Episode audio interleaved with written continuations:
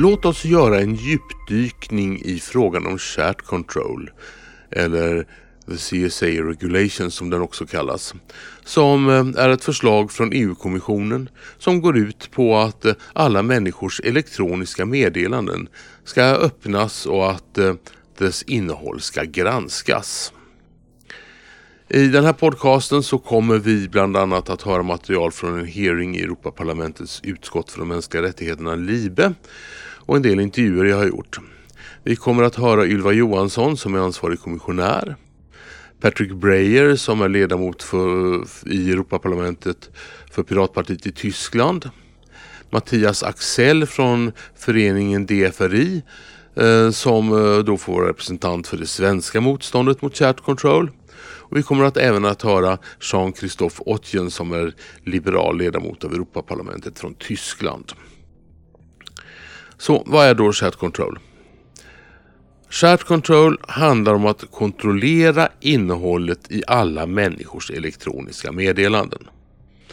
Syftet det är att eh, eh bekämpa sexuella övergrepp mot barn så därför ska man söka efter bilder och känt övergreppsmaterial. Man ska även eh, söka efter tidigare okänt material. Och man eh, eh, ska gå igenom alla våra meddelanden för att se till att vi inte ägnar oss åt grooming. Att, eh, alltså att vi inte raggar på barn helt enkelt. Eh, och det gäller då i princip alla våra elektroniska meddelanden. Och detta det ska göras av maskiner. Vad kan möjligen gå fel? Vi lyssnar till hur Ylva Johansson presenterar det hela. Second, we have focused even much more on prevention. This is important. So what we put in place in the new legislation is mandatory for companies to do to work on prevention, to do risk assessments and to take mitigating measures to prevent children from being groomed or child sexual abuse material to being sent uh, uh, using their uh, services or hosted in their services. Jo, det var det där med mitigating measures Eh, som ska sättas in om en meddelandetjänst uppfyller de riskkriterier man satt upp. Och de här riskkriterierna de är ju då väldigt, väldigt vida. Till exempel citat att göra det möjligt för användare att kontakta andra användare direkt, särskilt genom privat kommunikation. Och det är ju då typ alla meddelandetjänster. Vi går över till eh, Patrick Breyer, piratpartisten i Europaparlamentet och hör vad han har att säga om saken. Traffic control means that the EU wants to oblige providers of communication services to search all private chats, messages, um, emails, even video conferences, online game uh, chats, dating chats, to search all that automatically for suspicious content, uh, generally and indiscriminately. The stated aim is to to look for uh, child sexual exploitation material and so-called child pornography. But the result would be mass surveillance uh, by means of fully automated, uh, real-time messaging and uh, chat control, and the result would be the end of the digital secrecy of correspondence. And okay, there is so more to the proposal. There is also ineffective network uh, level uh, uh, blocking. There is also the um, screening of personal cloud storage. for example, private photos stored there. There is mandatory age verification, which would mean potentially the end of anonymous communications. And there is also a, an exclusion of minors from app stores and installing uh, very common apps. All that is in the proposal. Another shift is that we make it mandatory. We say you're much, much more restricted on what you're allowed to do. But if you're allowed to do it, you're also obliged to do it. So you can't say that some companies will do the detection and some will not. So if they are uh, coming to a situation where uh, it's uh, not enough with the preventive measures, and there is uh, the company is being allowed to do uh, detection in communication, they should also be obliged to do it and to report it. Så då har vi det, svart på vitt. Vad det innebär och att det eh, kommer att bli obligatoriskt. Låt oss nu gå över till eh, Mattias Axell från DFRI och vad han tycker om, om chat control. Ja, alltså det finns ju, det finns ju mycket som går på tvären med, med eh, de här andra liksom ganska intressanta förslagen om att man ska förstärka skydd till eh, rätten till privatliv och finns ju även i EUs eh, konvention, eh, alltså EUs stadgar, eller eh, hur man ska beskriva dem, att, att man har rätt till sinnesfrid och, som, och så vidare. Um, men, men, rätten till privatliv den, den, undergrävs ju totalt av en sån här, eh, av ett sånt här typ av införande eh, med chat control. Eh, och det, det, riskerar ju att det undergräver liksom, eh, andra rättsakter på, på angränsande områden. Ehm, GDPR, ehm, dataskyddsförordningen alltså. Ehm, och sen så kan man ju fråga sig det här, liksom, vart, är, vart är tekniken för att genomföra det här? Ska man göra det på människors mobiler? Ska man göra det i det som kallas för molnet, det vill säga någon annans dator? Ja, vem, vem ska utföra det här? Och, och personligen så, så känns det lite som en sån här eh, lagstiftning där man tänker att ja, men vi ska slå, slå efter en mygga med en, med en hammare. Liksom.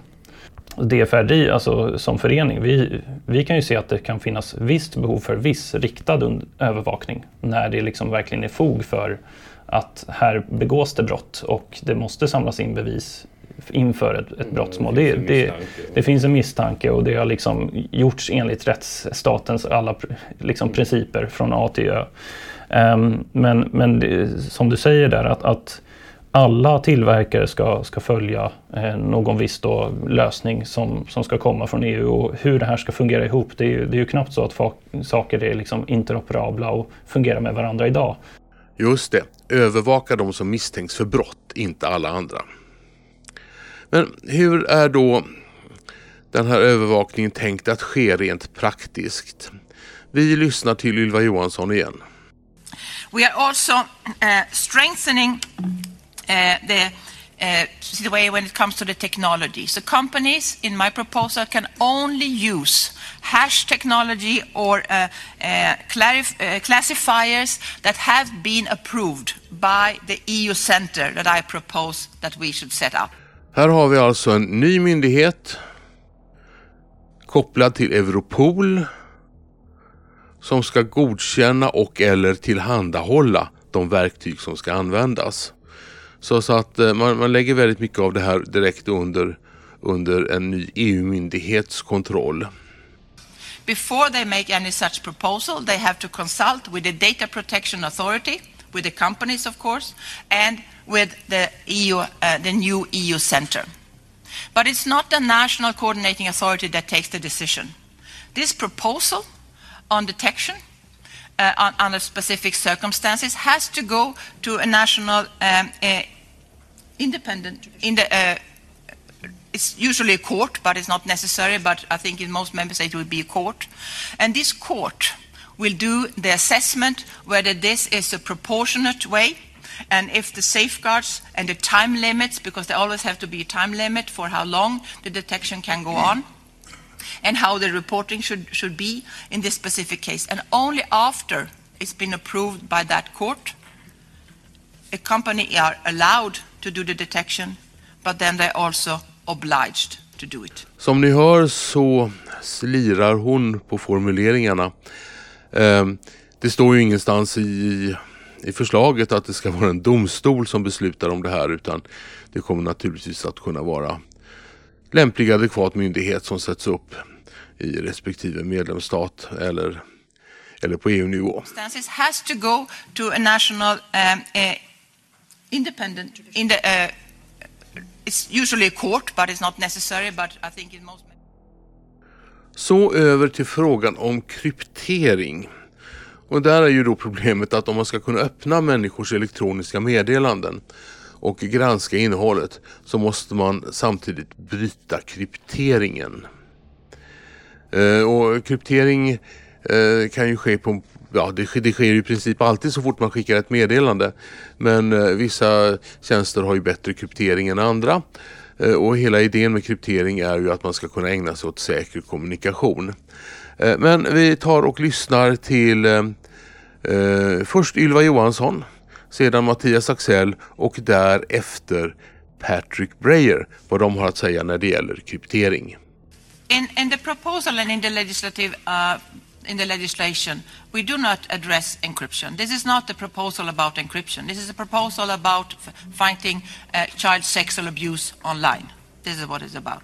So it's not mentioned. And I think it's really important that we do not exclude any technology.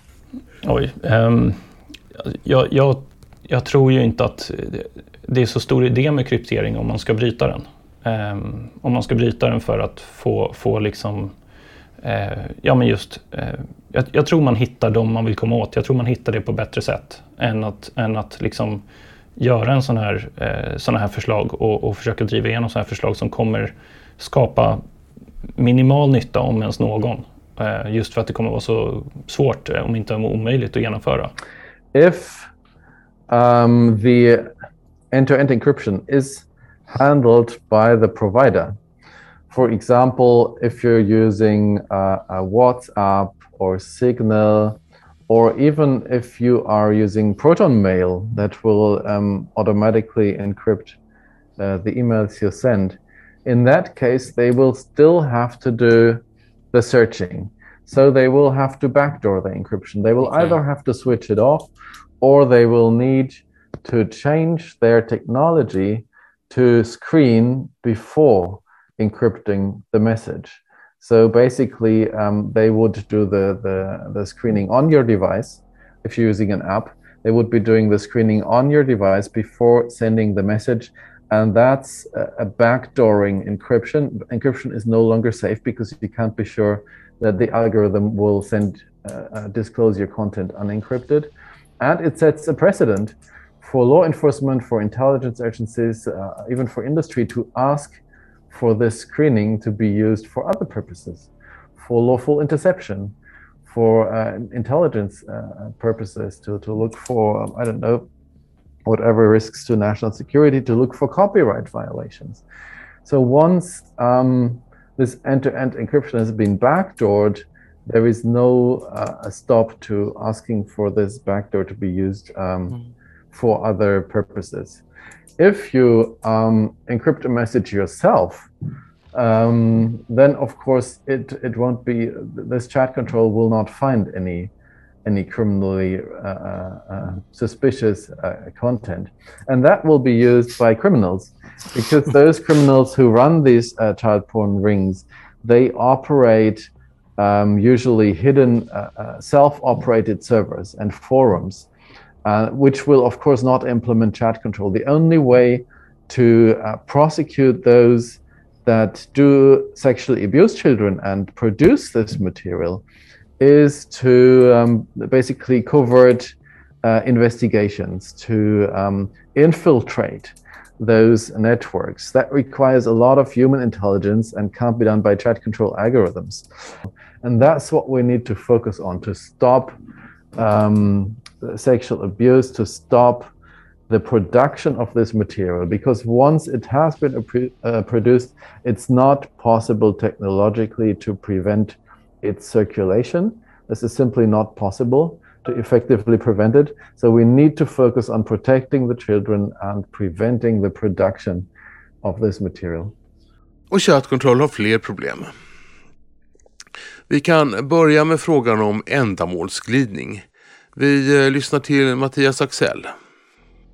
Man slår upp en, en dörr så här vidöppet och sen så, ja, det, man slår upp den vidöppet och säger att det ska användas lite grann och sen så används det för, för andra ändamål och det, det är ju, det, där blir ju problematiskt hur politiska beslut är så att säga, alltså omfattning på politiska beslut, att det, det, de, de, blir för, eh, de blir för vaga eh, gränserna blir för vaga och man, man just breddar det till någonting annat. Och det, ja, det blir otroligt problematiskt, tycker jag.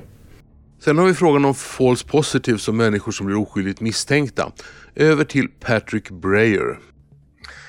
Well, first of all, the providers themselves um, uh, design the algorithms that are used to look for the so-called known material.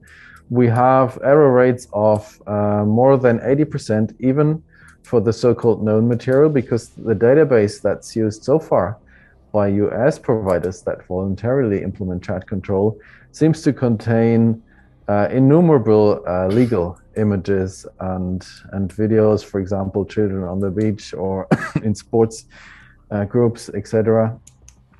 And so we have a huge error rate, even for the so-called um, known material, meaning that um, hundreds and thousands of people are innocently being reported to the police. And um, if they don't uh, close the, the procedure right in the first place, uh, this may result in investigations. Even if you're innocent, you will be suspected of um, uh, owning um, a so-called uh, child pornography, and that can have terrible uh, consequences. And it, it, can happen easily um, because it's sufficient to be received, to be a member of a chat group where somebody else posts this. Um, um, it is criminal to even uh, possess uh, such material. Mm-hmm. So either uh, you're completely innocent, the material is not criminally relevant, or it is criminally relevant, but you inadvertently received it, or there are the cases where persons don't realize this is criminal, especially young people. In Germany, more than 50% of investigations um, into possession of, of child pornography target minors, uh, persons under 18, um, because uh, they do sexting because they um, often don't they don't have the sexual motivation when they find something funny, uh, some mm-hmm. video funny, for example, and so it's very easy to to be criminalized and by this, even if you had the best of intentions. But that's not all. Uh, there is also uh, an obligation to look for yet unknown material so they promise there are algorithms that would be able to tell automatically whether a photo shows um, a minor in a, a sexual uh, pose. And it's very clear that there are no reliable algorithms on that at all. And in fact, there is no transparency on these algorithms. There are a couple of, of companies that have uh, devise these algorithms, but nobody knows them because they, they keep them secret. Nobody knows the, the accuracy, reliability, and error rate. There is a huge risk that even with a low error rate, because of the, the millions of messages and photos that are sent every day, that there would be thousands of people whose um, naked, uh, uh, whose nudes uh, would be exposed and uh, fall in the hands either of the company moderators who may review the results of these algorithms or fall in the hands of the um, US NCMEC Center or fall in the hands of the new European authority that's supposed to be doing the screening or fall in the hands of the national police who's supposed to deal with the flags that they have been uh, forwarded by this new EU center so basically, even your most intimate uh, uh, photos are no longer private, can be exposed to the wrong people. Maybe they want to make a bit of money and um, start selling them themselves. We know that um, from Edward Snowden that NSA staff have been circulating nudes for fun. And we know from a Google engineer, for example, that he's been using the company systems uh, for sexual uh, purposes himself. So this is prone to abuse. And then just to finish off, the third thing that they will require you to do is to use algorithms to detect potential grooming, meaning adults reaching out to children to uh, uh, uh, for sexual uh, purposes. And here again, they promise that there are algorithms out there that would be able to detect uh, text messages that aim at grooming. Uh, but here again, we know nothing of these algorithms. They are secret no evaluation of their um, uh, reliability. Most likely, this will result in exposing um, very personal and intimate conversations that are completely illegal um, by algorithms that are simply completely um, unreliable. Nästa punkt handlar om att förslaget även eh, innebär åldersgränser för meddelandetjänster och att det därmed också kommer att bli omöjligt att kommunicera anonymt. Åter till Patrick Breyer. What hasn't been discussed properly is for one thing that they propose a mandatory age verification for all communication services. And in practice, this would require identification of users. So, uh, in the case of journalists, of whistleblowers, of uh, uh, many um, democracy defenders, um, uh, lawyers, etc., they need to be able to communicate anonymously and they need to be able to receive information anonymously. And with this age verification in place, there is a risk that you can no longer um, uh, communicate anonymously, which is a catastrophe. And secondly, what's what's completely underreported is um, the proposal basically says if there is a risk that a messaging app could be used for child grooming, and basically every messaging app could be used for that purpose, then uh, app stores may not allow minors to install these apps. So that would essentially mean that people uh, age 17 would no longer be able to use WhatsApp they wouldn't be able to use uh, Signal or um, online games or uh, dating apps. They wouldn't be able to use any service that you can use to communicate with.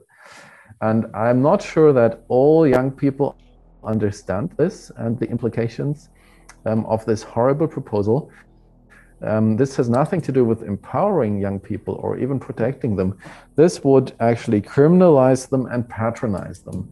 And that's why I think that young people should be the first to say, you're doing this in our name, we don't want it. Ett annat problem som kan, kan nämnas det är att eh, det här förslaget det står i strid med mycket annat som, som EU lagstiftar om och, och sysslar med.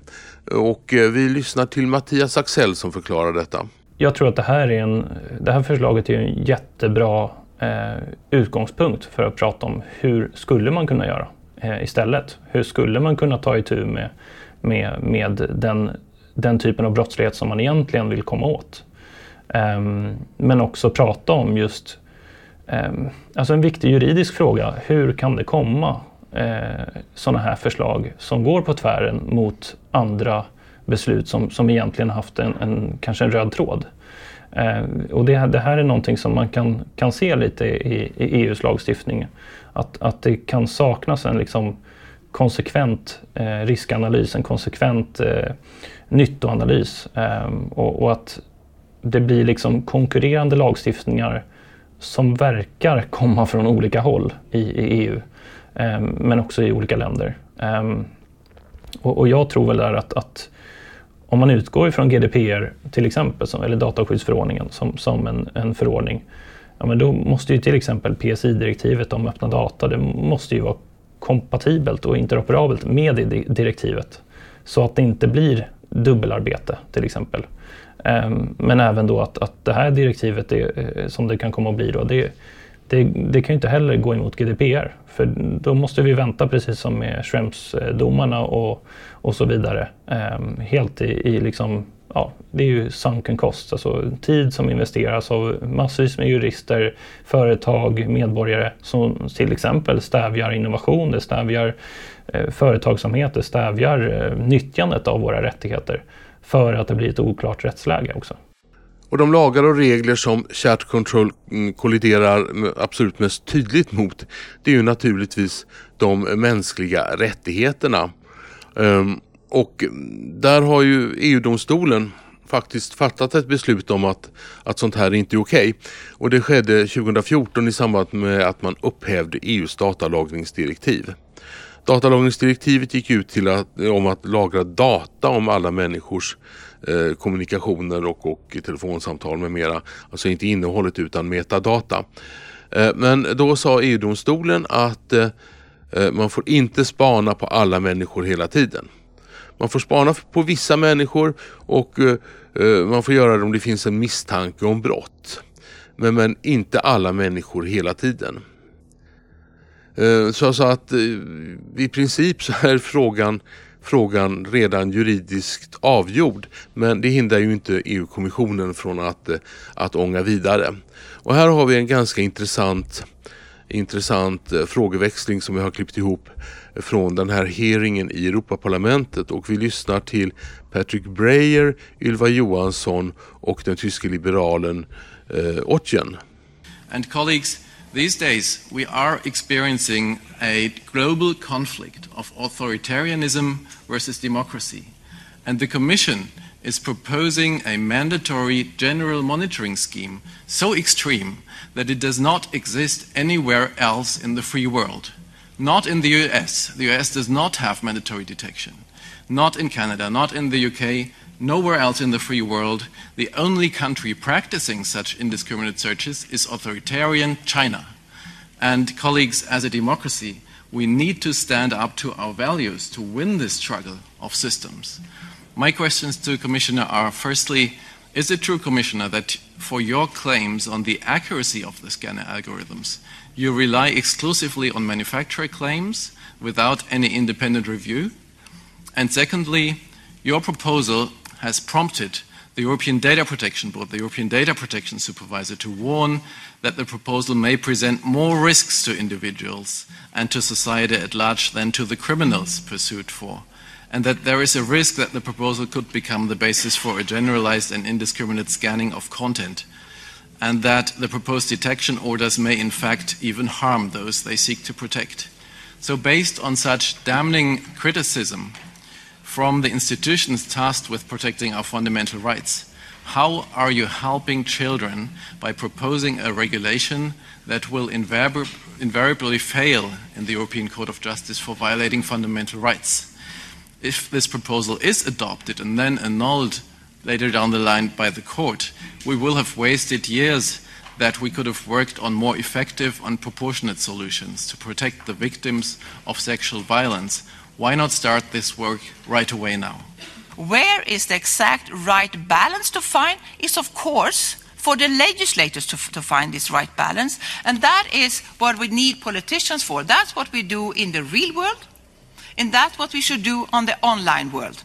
And that will, of course, lead to that some uh, political groups or some stakeholders will have diverging uh, positions. That's normal in a democracy. But then we should find a conclusion where we can agree and find a, a big uh, support for the legislation that finds the right uh, balance on this proposal. Uh, Madam Commissioner, you said, well, you might have, one might have different political views on the issue, but at the end, uh, you strike the right balance, and it's a question of political uh, will or matter. Uh, well, politics do not work like this.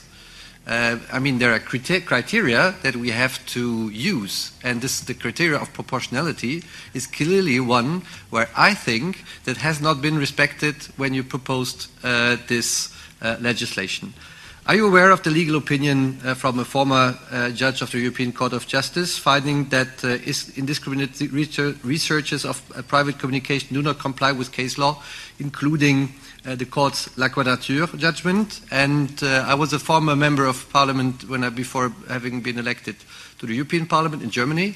And what I learned always is that there are, I mean, there are legal services that tell us what we're able to do or not and what we should do uh, or not, what is uh, complying to case law and to, uh, um, to constitutions, etc. And the German uh, Bundestag legal assessment is that permanent, the permanent latent risk that a crime, even of a serious nature, may be committed should not suffice to justify continuous and comprehensive automated analysis. And that's what you are proposing. I don't think that this stands before the EC, uh, European Court of Justice.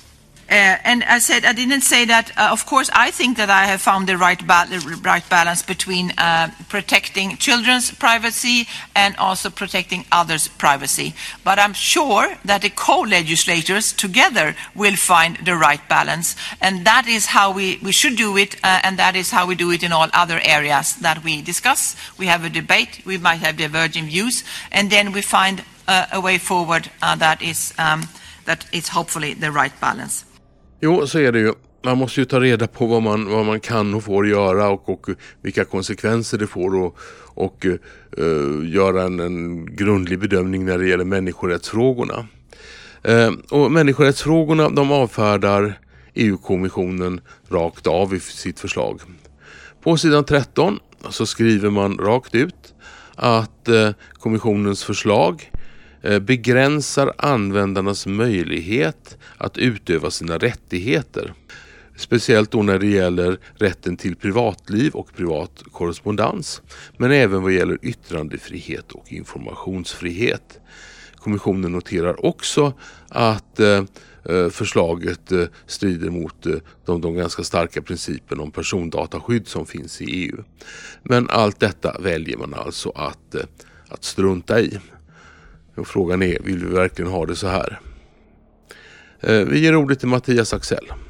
Om man ser lite utifrån en, en större liksom, världspolitisk eh, perspektiv så har vi ju USA där du kan förvänta dig att, att alla företag som, som eh, tar hand om eh, datan som du, du ger dem, de kommer sälja den, de kommer göra allt möjligt. Det är liksom företagen äger dig. Eh, ser man där, där istället på Kina, då är det ju staten som äger dig. Ehm, och det får du vara beredd på. Ehm, det kom ju nyligen ut i i eh, svenska nyheter, Sveriges Radio och Dagens Nyheter om det här med avtalen som, som kinesiska studenter har med underrättelsetjänsten i Kina. Och, och, det är otroligt problematiskt. Um, inte minst för att de säkert blir tvingade att skriva på de här. Um, men då kan man ju fråga sig, ska Europa verkligen ta den rollen? Att uh, vi, vi också ska ha en Europeisk union som, som så att säga vill ha den insynen uh, om europeiska medborgare. Eh, för jag tror ju att, att eh, Europeiska unionen har ju faktiskt en möjlighet att man gör någonting helt annat. Man fortsätter på spåret för mänskliga rättigheter. Inte minst för att det kommer bli en, en jättebra eh, marknadsföring för Europa och EU-länder som en fristad för människor som istället får rättigheter och kan känna sig trygga och slippa övervakning och så vidare. Um, men här tror jag att man, man går på tvären med det. Hela idén med de mänskliga rättigheterna det är att skydda individen mot övergrepp från staten. Det är dess funktion och det är därför de är inskrivna i en massa olika konventioner för att man inte ska kunna kringgå dem. Vilket är just vad Ylva Johansson gör med sitt förslag. Och när de mänskliga rättigheter som ska skydda oss från staten när, de, när de är under angrepp från en av EUs högsta politiker och tjänstemän då är det kanske dags att se upp.